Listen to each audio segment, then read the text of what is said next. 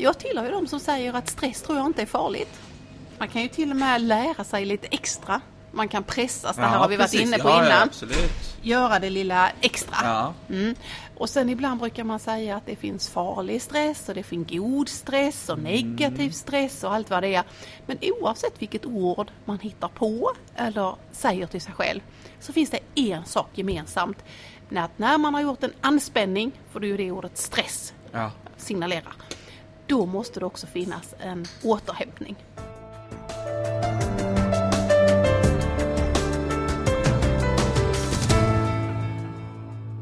Välkommen till Utmanarpodden! Nu är det mitt i våren här och nu ska vi reflektera och nu ska vi hinna en himla massa på de här 40 minuterna som vi ska sitta här. Nu är jag så stressad här Ingmar, så nu bara går pratet här. Vad är det vi ska prata om idag? Vi ska prata precis om detta. Vad gör man när livet snurrar för fort? Eh, vi har innan varit inne på tankar omkring tid, vi har innan varit inne på tankar omkring ordet stress. Och idag så ska jag sätta en ny diagnos på många människor, inklusive på mig själv och på samhället. Och även på mig eller? Absolut Magnus! Och vi har ju det så just nu att vi lever i en full fart. Vi lever i en sån full fart så att den här eh, avsnittet spelar vi in i en öppen lokal. Vi hoppas att ljudet gör att våra lyssnare i alla fall kan höra våra poänger som vi försöker få fram i Utmanarpodden. Mm. Men det är lite som att de är på ett mingelparty kan man säga. För Ja. det kommer komma lite så här folk i bakgrunden och lite så. Men det, vi reflekterar vidare här Ja. helt enkelt. Men du, har du mycket att göra just nu? Eh, ja, kan jag ju säga. Fast jag gillar inte heller att svara ja på den frågan. För då tänker jag så här, att då när jag säger ja på den, då blir min hjärna registrerar den som att jag är stressad. Så jag vill helst inte svara på den frågan bara sådär. Eh, men jag kan säga så här, att det rullar på med Bögin Box, föreställningen som jag gör ute och kör. Eh, senast här, eller den kommande spelningen som jag har, då ska jag vara i Finspång och så har jag varit i Gällivare och Luleå och Stockholm. Ja men du vet liksom. Och sen så rullar det på med uppdrag som, jag har ju blivit singalongvärd också helt plötsligt. Det är så här när man är på en bio, publiken kan se texten och så sjunger man med då va? Det hette karaoke för trodde jag. Ja, och det gör det väl fortfarande, men det har blivit lite finare. Singalong säger man va?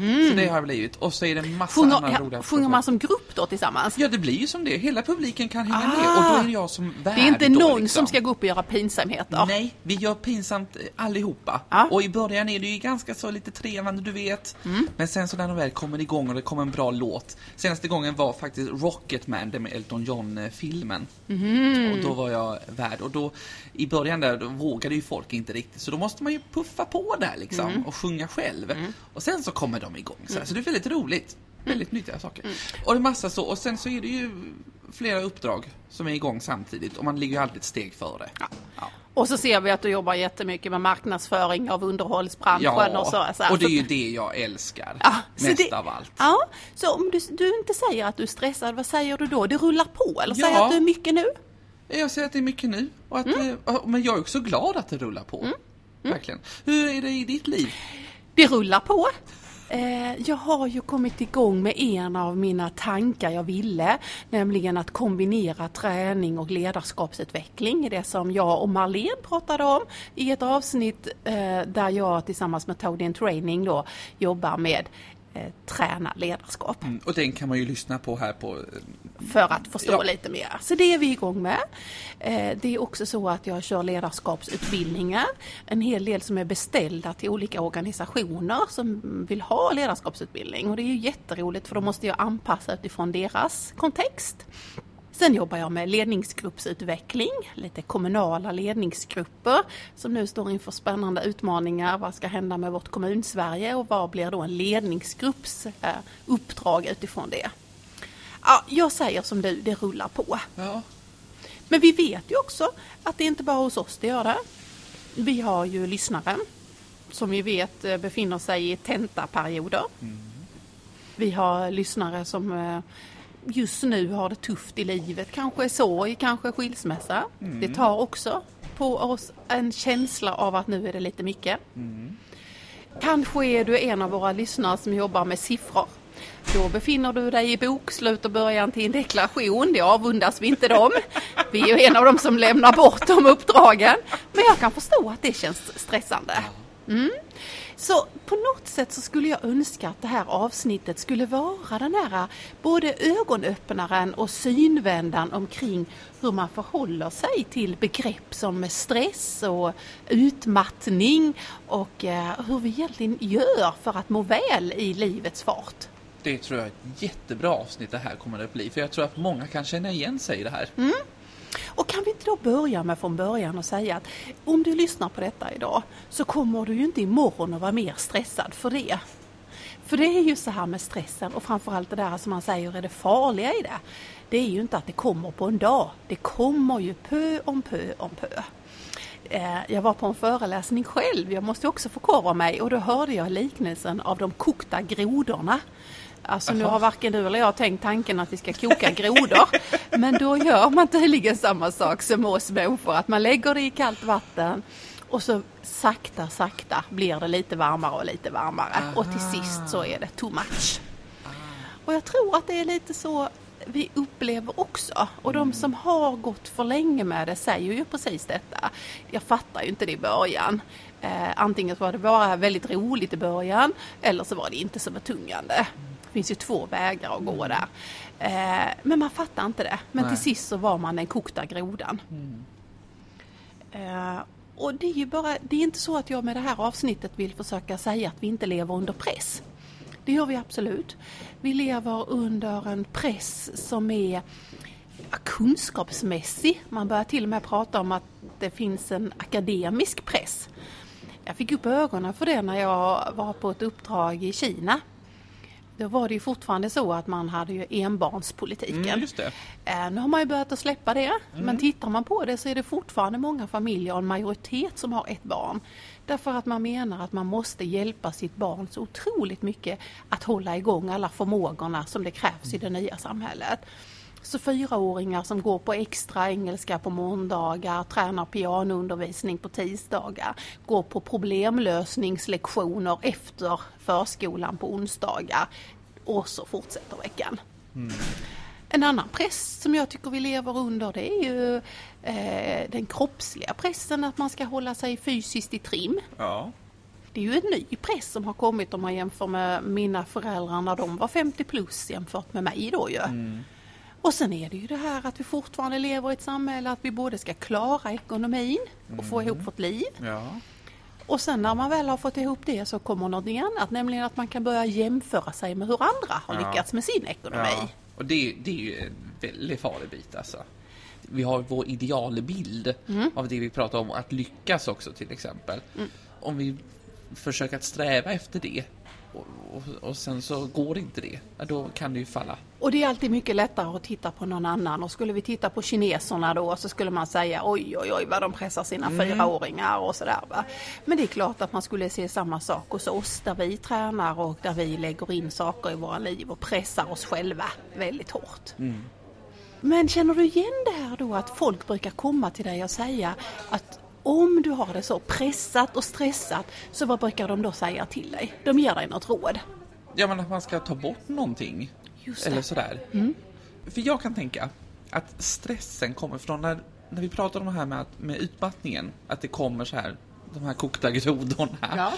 Och att det kan vara att men allting var så roligt eh, i början och det var inte så betungande. Och där kan jag vara själv, absolut. Mm. För att jag tycker så mycket är roligt, mm. så man vill inte plocka bort någonting. Mm. Utan det är ju så här, ja, och det, jag tycker ofta att saker och ting berikar livet. Mm. Alltså, jag säger hellre ja, mm. och sen så får det gå som det går. Ja. Det är kanske så, lite konstig inställning, ja. kanske lite dum ibland mot sig själv. Man ska inte begränsa sig själv. Nej, det här är ju också sådana här bilder som jag tycker finns i vårt samhälle nu. Det är att man tror att ju mindre man har att göra desto bättre skulle man kunna må. Mm. Eh, Jag kan tänka mig att de säger sådana saker till dig Magnus eftersom du är den aktiva människan och det händer och så tar du ti- tåget dit och så är du helt plötsligt någon annanstans och folk hinner inte ens med på Insta. Har du Nej. flyttat dig 50 mil nu? Var är du nu kära Magnus? Och så va? Men det är väl lite så du också har det, Ja, jag. absolut. och jag får också rådet det här att, att eh, gör mindre saker. Eh, jag tror inte på det. Jag tror att lika mycket som kroppen behöver hålla igång. Vi har, ju- det är ju få människor, få människor som låter kroppen hålla igång för mycket. Däremot är det väldigt många människor som inte låter kroppen och rörelseapparaten hålla igång. Jag tror det är likadant med oss människor. Det är någon sorts tanke att vi gillar aktivitet och vi gillar när det händer saker. Eh, Så det här med att plocka bort saker är väl det första jag skulle vilja plocka bort ifrån att använda olika begrepp. Ja. Eh, För vad man gör då, det är ju att man plockar bort det som är roligt. ja, Ja, och det blir... Och det, det kan ju bli så här tvärtom då. Mm. Alltså då, då tappar du ju liksom lust och, och glädje, ja. tänker jag. Och då finns det ju ingenting eh, kvar riktigt att bygga på. Nej, så att jag skulle Det känns ju jättetråkigt.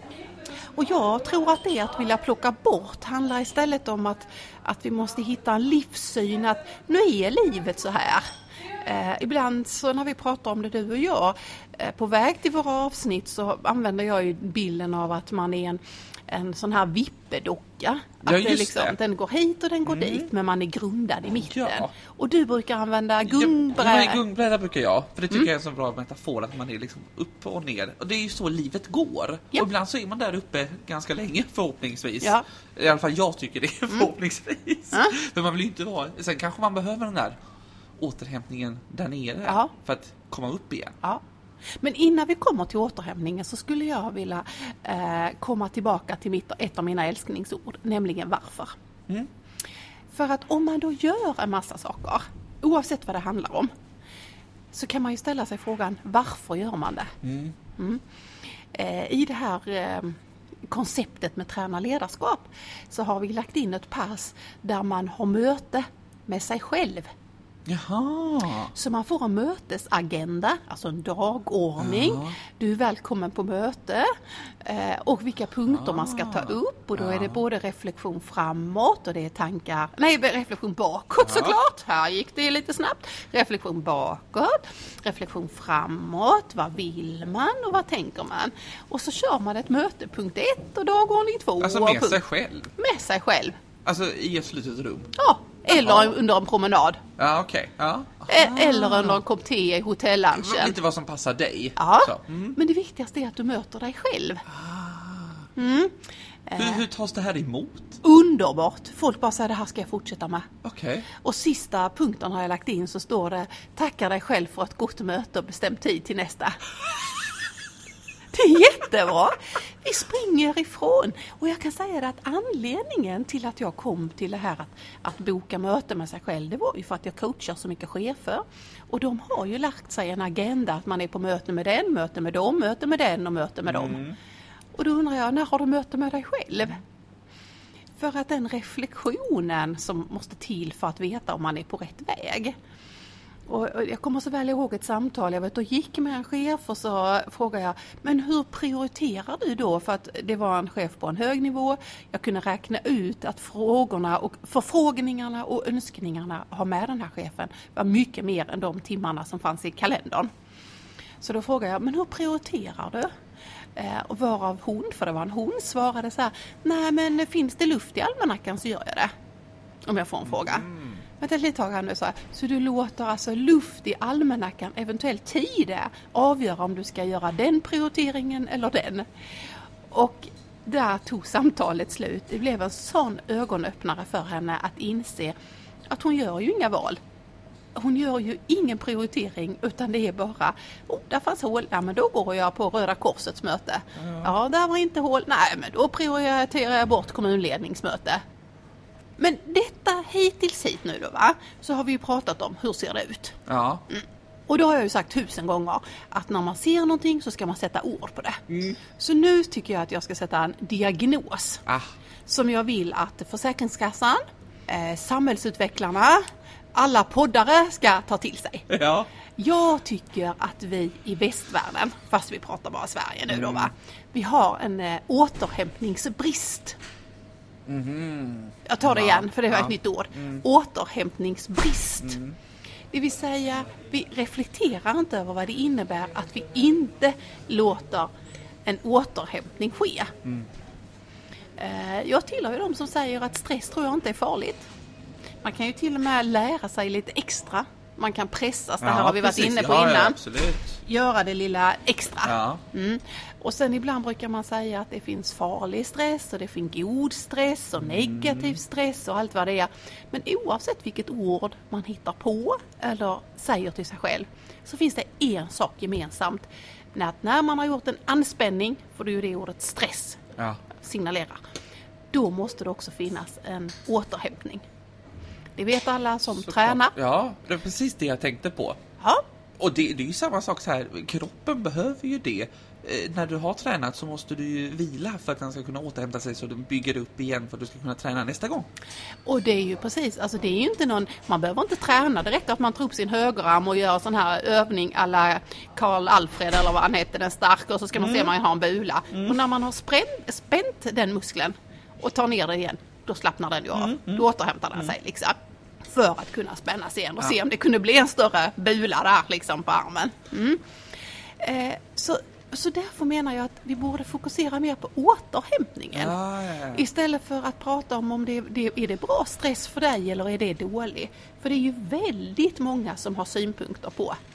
Eh, precis som du säger att eh, ja men jag har, eh, jag har mycket nu, ja Magnus då ska du plocka bort saker. Vänta ett litet tag, stress är ju en upplevelse Ja. och det är ju din upplevelse. Har du någon gång hört att någon annan blir stressad för att du gör så mycket? Ja, det skulle jag nog vilja säga. Eh, att man liksom att någon tar på sig den där stressen. Och det är ju inte heller bra att liksom sprida den där stressen. Alltså även om jag skulle känna mig stressad så behöver inte jag sprida den till någon annan. Nej men det är, det är det ena. Och det andra är att andra tar på sig att de känner en stress. Ja, Eh, Varför kan de bli stressade? Därför att stress är ju hur du upplever det. Mm? Och det är lite intressant att när andra säger ja du är stressad nu. Eh, hur kan du veta det? Det beror ju på vad jag upplever. Ja, men då, men då kan jag ju bli så här lite så här eh, sur. Så här, ja, men då vet inte hur stressad jag brukar vara. Alltså, lite så. Alltså, Underbar mening, det ska Ja. jag sno. Då vet du inte hur stressad jag brukar vara. Vilken utmaning, det var lite provocerande. ja, Ja, men, den ska jag ta. Man kan ju inte bara, för det är ju verkligen så här att man bara antar hos någon annan. Eh, Och så plockar man på det på sig själv. Det, alltså det där funkar inte för. Och jag vill inte göra det själv, så då försöker jag att inte att när någon då säger att den är stressad så himla mycket, då försöker jag bara så här skaka bort det. Mm. För att jag vill inte ha den på mig. Vad klokt. Hur gör du? Jag ehm, tänker att jag har inte varit, jag, har, jag ska ju sno den meningen av dig nu, jag, för jag hade ju inte den. Så att jag, har- jag har blivit lite så här liksom ehm, provocerad över att någon annan ska berätta hur jag mår. Ja, Eh, för att det finns någon sorts ribba. Och har man mer än två grejer per dag så blir vissa människor stressade. Det finns människor som blir stressade för att de inte har mer, mer än två grejer per dag. Och så ska alla människor ha synpunkter på det. Och, och där jag har nog rätt så hög liksom, integritet att nu, nu bestämmer jag hur jag vill leva mitt liv. Liksom. absolut. Mm. Men nu kommer vi till återhämtningen. Ja, spännande. Ja, och du tror jag att elbilarna är lösningen. Och då menar du inte alltså bara ur klimathåll utan du Jo. tänker på andra saker också då precis. förstår jag. Aha. Därför att jag tror vi ska För göra den behöver återhämtning eller? det. Ja, precis. En elbil som nu är det som man ska ha eller försöker plocka fram med billigare lösningar på och så vidare. De har ju det som jag tror vi människor behöver. Nämligen köra in till stationen, ladda på lite. Och det behövs inte så länge utan det kan gå sen igen. Ja. Och det man då gör är ju inte att man gör något extra utan det är bara det att det är det som kompletterar. Eh, som frigör att du sen kan ta dig framåt igen. Så att jag tänker, tänk om det blir så att vi får elbilar mycket mer i vårt samhälle. Det är väl en av de tankarna som Ja, finns angående precis. klimatet. Och så skulle vi säga att det är obligatoriskt att om bilen laddar så laddar människan. Är du med? Ja. Det tycker jag är en fin metafor. Ja, verkligen. Eh, och jag tror att det är precis det här ladda batteriet Ja. som behövs. Ja, nu, nu ser jag typ bara framför mig hur det finns massa landningsstationer så kör varje bil in och där sitter också en person och bara... Ja. Och sen efter fem minuter bara... Kör vi vidare. Men nu gjorde du någonting. Nu tänkte du att återhämtning var att ha... Och det är därför vi hade dagens rubrik med att hitta och hämta andan. För man måste ju hitta sin anda. Man brukar ju säga det, Ja. nu får du hämta andan. Mm. Men då måste man fundera på vad är det som gör att man kan... Man måste först hitta den. Var hittar jag den här andan som gör att jag får en återhämtning? Och nu brukar man säga att det finns fyra olika sorters återhämtningar. Det ena är sömn. Mm. Jag är uppfostrad i det här. Kan du bara sova så är det bra. Det är, det är liksom lite så lösningar bra för kroppen, för då återhämtar den sig. Det andra är ju en aktiv återhämtning. Där du kanske låter, låter kroppen göra någonting. Eh, någon annan kroppsdel göra någonting. Du kanske behöver träna, du kanske behöver vara ute och gå. Du behöver kanske prata med någon. Du kan ju vara Ja. jättestressad därför att du sitter själv i din egen lilla Ja. bubbla. Då kan det vara helt underbart att äta en sallad med en kollega på lunchen. Eh, Men där du gör någon aktiv grej. Eh, Och den tredje grejen handlar om den här passiva återhämtningen. Och det är det här relaxa som du gjorde lite här i Ja, bilen okej, nu. ja, ju. Mm. Eh, Och det kan vara bra för vissa. Och ibland. Men det är inte så att vi kan gå runt och tro att ju fler gånger vi fick ligga i soffan och äta praliner, desto bättre skulle vårt liv bli och desto mer återhämtning. Eh, för det är ju upp till hur återhämtar jag mig? Och sen den tredje är det här att göra mikropauser. Så det är alltså sömn, det är den aktiva Återhämtningen. hämtningen, den passiva återhämtningen och mikropauser. Ja, precis. Och vilken gör du då? Alltså vem, vilken, vilken tar du helst? Nej men jag, eh, jag eh, tar alla fyra. Okej. Jag, jag säger ju att jag är bra på återhämtning. Så ska jag dela med mig av mina saker nu Ja, kan du inte göra det? Ja. Ett, jag prioriterar alltid sömn. Det tror inte folk. Nej, Nej, nej det tror inte jag. just det. Och du är väl folk? För jag, för, för jag är dålig på det själv. Ja. Ja. Eh, jag är bra på att prioritera sömn. Jag inser att nej, men nu behöver jag sova och då gör jag det. Jag kan gå och lägga mig jättetidigt. Då å andra sidan kan jag gå upp jättetidigt.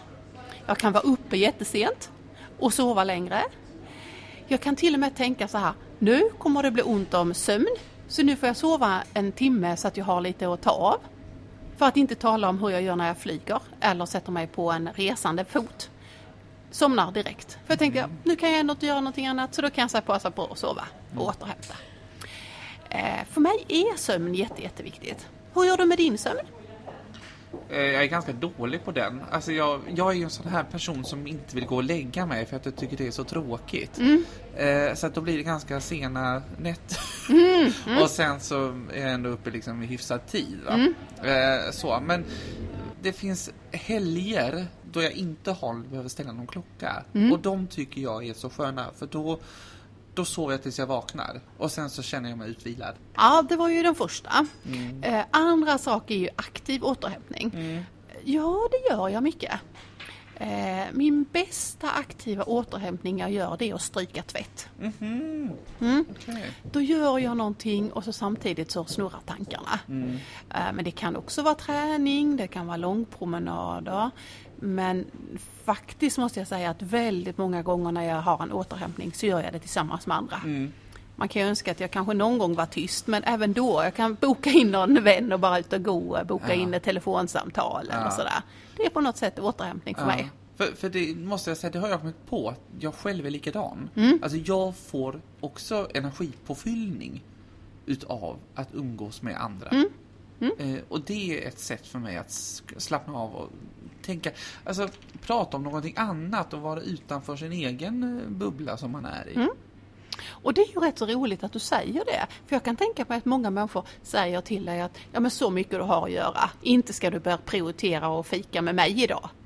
Jo, då är det någon annans värdering att du skulle plocka bort för att det skulle göra att du var mindre stressad. Mm. Det är precis tvärtom. Du plockar in någonting och det ger dig en återhämtning.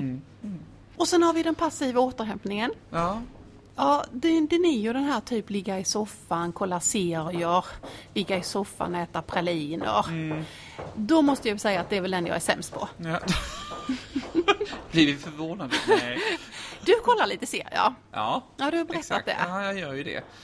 Nu är jag inne i en sån här period att jag blir lite lätt stressad över detta. För jag tänker att oh, det där skulle man ju kunna hinna med istället för att titta på den här serien. Ja, Ehm, så att där måste jag verkligen typ bestämma mig. att Så här, nu tittar jag en halvtimme. Mm. Så, sen får det vara nog. Och sen så får jag göra det jag tänker att jag ska göra. Ja. Ja. så.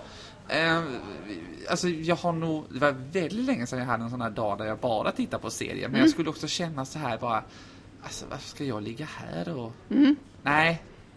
Det, Fast om man känner att det är bra antingen för min kropp, för min knopp eller för min själ så är det ju ett skäl till det. ja, absolut. Det Men blir mycket själ och själ här kom jag på. Det var precis, olika men kan ju- stavning där. Exakt, Mm. men det passar inte mig i alla fall. Nej. Så. Och sen är det mikropauser. Mm, och det är du ju väldigt bra på vet jag. Och vad menar du då? Ja, men jag tänker på den här när du studerade. Kan inte du dra den historien? Om hur du gjorde de här mikropauserna? Ja, det var det. Då var det en period i mitt liv eh, där jag tror att om det hade funnits sociala medier och jag hade lagt upp mitt liv på det hållet, på det sättet, då hade nog någon hämtat mig och kört mig någon annanstans, det kan man nog säga. Jag kan se det själv. Men då körde jag en variant att, att jag hade svårt att få ihop eh, sammanhängande sömn. Eh, mina dagar, eh, nätter slutade väldigt sent och började väldigt tidigt morgonen därefter. Och så säger jag att jag prioriterar sömn. Så jag var ju tvungen att få ihop sömn. Så när jag då befann mig på studieorten så gjorde jag så att när det var pauser, raster som det ibland heter ju när man är i studentvärlden, då gick jag in i en sån här studiehytt, eh, studierum, eh, i bås. Ja, Ja, nu var det lite skånska och allt vad det var här. Ett studiebås går man in i. Mm. Då är där en bänk och så är där en stol. Och så ska man sitta där och läsa. Ja. Då kom jag på att där kan man sitta och sova. Så det var där du använde dina? Fem minuter, jag hade som mål att fem minuter var timme skulle jag sova. Okej. Mm. Men då, kan, då är du alltså ganska bra på att bara somna liksom? Ja, absolut. Det, det, det, för det är ju inte jag. Där, jag är jättedålig på, Ja. att somna in. Liksom, Ja, men jag, jag var ju hela tiden lite back på sömn. va, Så det var ju bara sätta, satte jag mig ner och det inte hände något. Jag tittade in i en vit vägg. Jag kommer ihåg att det var vita väggar i det här studiebåset. Då sov jag ju fyra och en halv minut. Och sen klick igen så kör vi igen en timme. Den var inte så sund men det var ett bevis på att det går med mikropauser. Mm. Eh, vet du vad jag är bäst på att ta mikropauser nu? Nej. Toaletten. Jaha.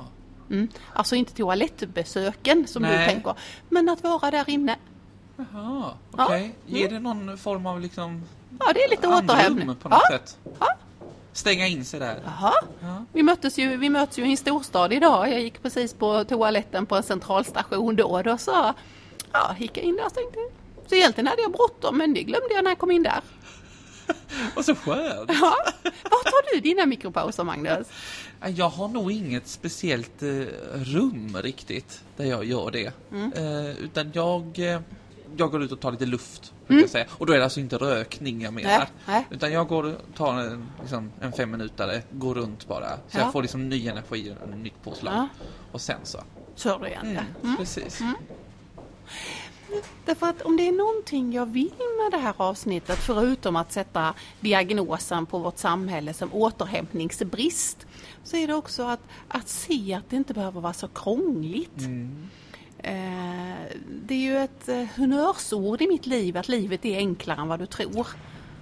Eh, och, och det går att hitta de här pauserna. Jag vet att jag själv har sagt, nej men det har jag inte tid till. Nej men jag hinner inte sätta mig ner nu. Nej, fast du hinner ju någonstans andas. Och då handlar det om att hitta, var är det du andas någonstans? Mm? Eh, och, och lite sådana här eh, råd, nej inte råd men lite ett tips från coachen. Så skulle man kunna säga att jo men var, var är det du andas och var möter du dig själv? Och stanna där 15 sekunder längre. Och sen 16 sekunder längre. Och sen 17. Eh, och det är ju ofta tankar jag ger när jag möter folk. Att, eh, att unna sig de här eh, små, små stunderna. Så man inte tror att det är en lördag hemma med Netflix som är återhämtningen. Det är kanske att bara sätta sig ner med en kopp te. Eller gå till eh, fikarummet på personalrummet två minuter innan de andra kommer. För då hinner du sitta en liten stund innan alla kommer. Ja. Eller ta en tidning. Jag gör ofta det när jag är på konferenser. Sätter jag mig med tidning till frukosten. Ja, då känner jag, nej jag är inte beredd att gå in i relationer just nu och i prat. Nu är det jag och tidningen. ja.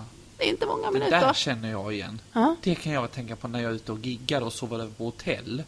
Att det är så här, då ser jag verkligen fram emot så här, det är min tid med tidningen och hotellfrukosten. Mm. Ja, jättebra. Det tänker jag också när jag åker, jag åker ju mycket tåg. Det vet ju jag, har Mm. sett på Instagram. Och det är också en sån där, när det har kommit en ny kupé, den här tidningen som Mm. åker med då. Det är också så här, nu lämnar jag allting och så sätter jag mig och läser. Mm. Jätteperfekt. Mm. Bra. Då har jag fått det där innan jag kanske påbörjar någonting annat. Och, och jag tycker ju nu då att semlor är underskattat. För semlor är ju en sån sak. Sätt dig med en kopp te och semla. Lika lång tid som det tar att äta den. Det kan gå väldigt fort kan jag berätta. Eh, så får jag i alla fall det. Eh, finns ju människor som har arbetat fram strategier. Eh, man summerar varje dag på kvällen med en tackbok. Man summerar dagen med att skriva i sin bra bok. Vad har varit bra idag? Eh, det jag tycker är viktigast är att, att lyssna på sig själv. Så du inte får en bristsjukdom som heter återhämtning. Vi har pratat så himla mycket om det här att du har två öron och du ska lyssna. Ja men lyssna på dig själv. Hur fungerar du? Eh, var får du din återhämtning? Och som tänk, det är som eh, elbilen. Det är en kort stund den behöver laddas in och sen går det igen. Ja. Jättebra ju. Ja, och det är inte att plocka bort saker. Nej. Nej. Det är att komplettera Ja. sin livsstil med någonting så att det funkar så som jag vill leva mitt liv. För det finns ju jättemånga roliga saker att göra. Som man inte vill säga nej till. Och skulle vi utmana lite här också då, va? så kan vi säga att jag har själv utmanat mig genom att ibland tänka, jag struntar i att svara på det där äh, kaosmejlet. Ja. Ja, och sen när det öppnade den på dagen efter så står det, ja vi löste det i alla fall, vi gjorde så här och så här. Bra, tänkte jag. Ja. Det handlar också om att utmana sig själv. Men har, det har du gjort liksom i, din, i ditt ledarskap? På kvällarna går jag igång på saker som jag tror är livsnödvändiga och när jag vaknar på morgonen tänker jag det var de ju inte alls. Tänk ändå vad liksom sömn kan göra för... Ja, eh, Det är ju verkligen återhämtning att man börjar tänka på ett helt nytt sätt. Mm. Eh, Det kan ju vara så att man har varit med om någonting som har gått jättedåligt eller vad det nu kan vara för någonting. Och sen så lägger man sig med det, men sen så vaknar man ändå upp till en ny morgon. Mm. Bara så här, nej, nu har jag lämnat det. Ja. Så, nu går vi vidare. precis. Eh, så jag är bekymrad över att vi springer vilse och tror att det är mycket att göra som är problemet. Jag tror att det inte hittar de små andepunkterna. Där är vår utmaning i både våra egna liv och i vårt samhällsliv.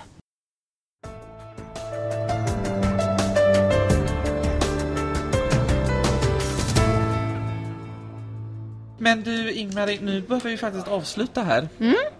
Eh, och eh, ja, det är ju som vanligt att vi vill ju att folk ska lyssna på det här Ja. och våra reflektioner. Och nu tror jag faktiskt att det, det här är ju ett avsnitt som många kan känna igen sig i. Så jag hoppas ju att det... Vi har ju fått lite så och, och eh, när jag har varit iväg och håller utbildningar så säger de, kan du inte dela med dig av hur du själv gjorde? Mm. Inte för att det är allenarådande, jag har bara gjort en sak, det är att jag har lyssnat på mig själv Ja, och inte på andra. Jag förstår. Du, nu är det så här. Nu har jag faktiskt hittat ett litet citat här som jag tycker passar väldigt bra in på dagens avsnitt. Ja, vad spännande. Och det är av den stora författaren August Strindberg, förstår du. Dramatikern och författaren. Eh, så vi, jag tänker att vi avslutar med det. Ja. Och så säger vi tack för idag. Och så säger vi Spotify, Acast, Soundcloud. Och Podcaster-appen i iTunes.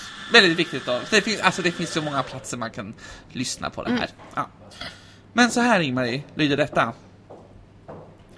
Botemedlet för den utbrända hjärnan är endast att söka vid livets källor, dit det gäller att gå tillbaka.